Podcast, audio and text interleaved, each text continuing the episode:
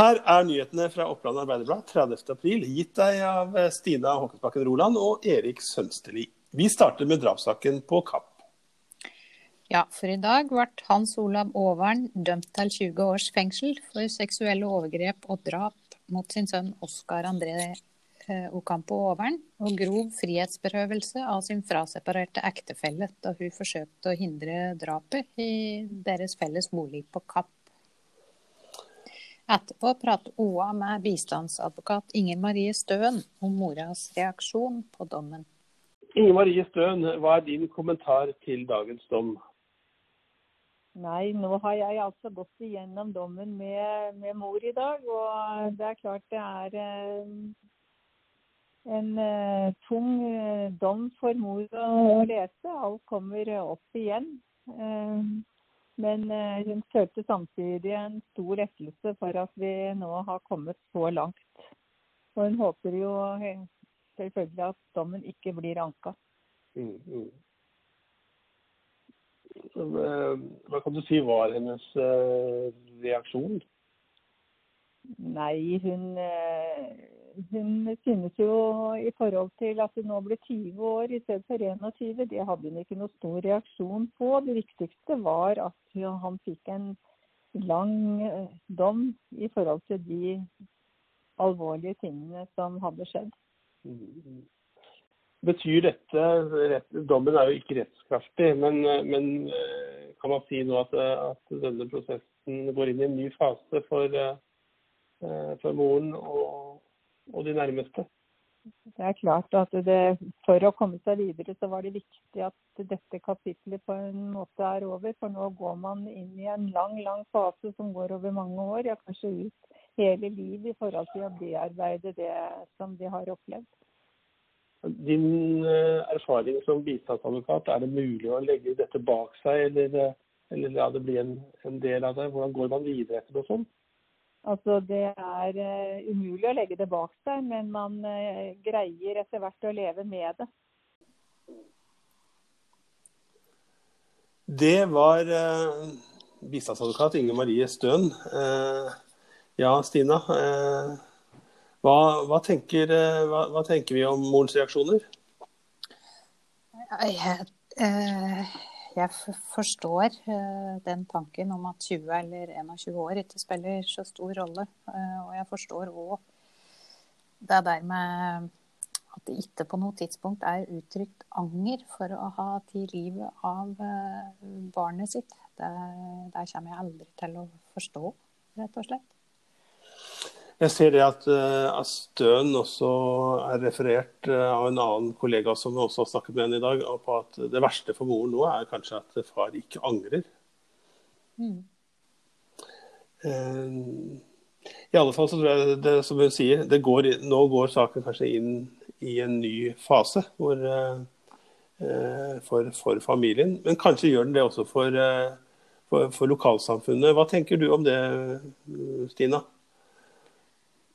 Ja, jeg tenker det kan være noe i det. For eh, det har vi jo sett helt fra start at dette, dette har jo preget mange. Eh, mange har uh, pratet om det og tenkt mye om det. Og under rettssaken så, så, kom fakta fram. Slapp å lure mer. Dette skjedde.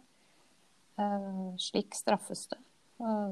Så kan en jo tenke at da er det eh, punktum for en prosess. Eh, og som Stønen sier, at, eh, at en kan håpe å gå videre derfra. Da. Mm.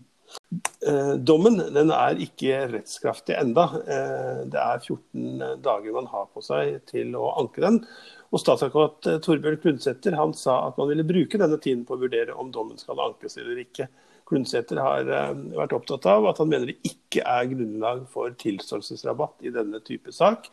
Eh, han karakteriserte jo drapet som en ren henrettelse av et vergeløst barn, noe retten i dommen sier seg, eh, sier seg enig i. Det er utrolig harde ord, men det er også grusomme forbrytelser, Stina. Ja, når du leser dommen og ser hvordan retten har vurdert det, og sjøl skriver at bare drap eh, i seg sjøl framstår som usedvanlig kynisk og kalkulert. Eh, Den oppfatningen tror jeg mange sitter med som førte saken òg. Det er, det er beskrivelser som, som en ikke skulle tro at kunne skje. Som, vi har jo jobbet med dette også ut fra andre sider. Det er jo også Fylkesmannen har, har granska denne saken siden. Hva er det som er kort, veldig kort status der?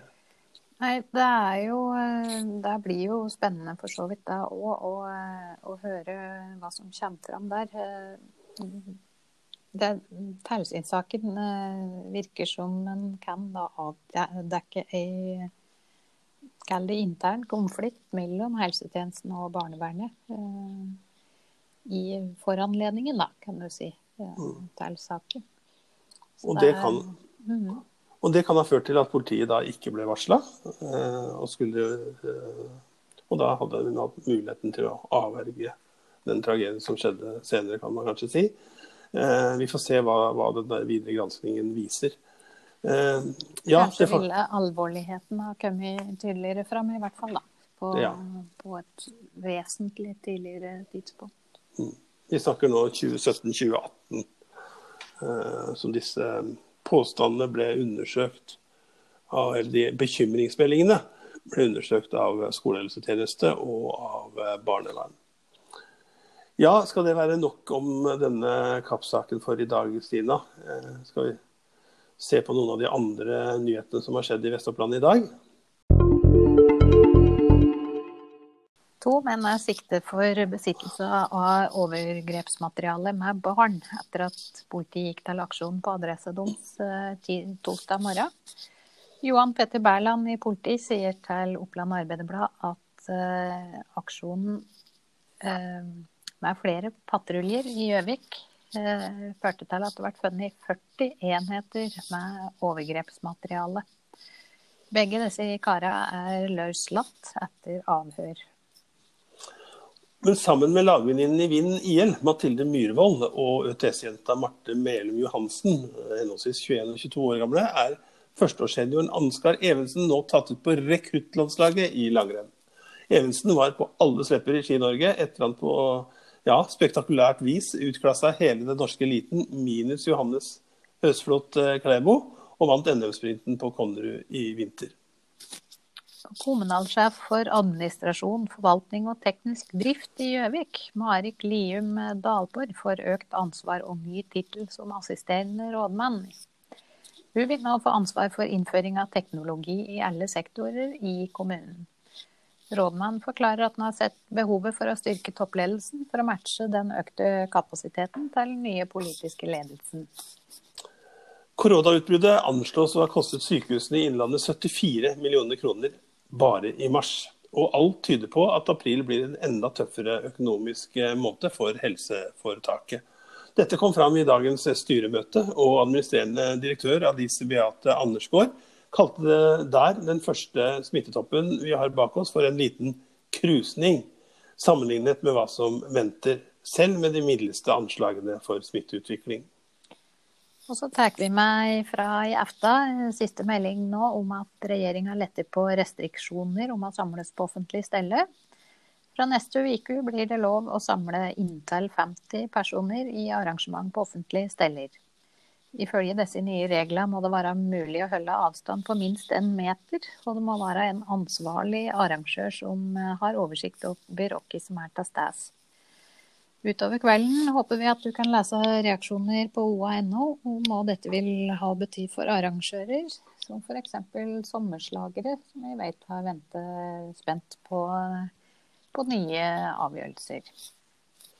Og dette var noen av de nyhetene du får i Oppland Arbeiderblad i dag. Du kan lese flere nyheter på oa.no nå, eller laste ned OA-podden eller de andre podkastene våre på eh, en av de stedene på nettet hvor du gjør slikt. På gjensyn i morgen.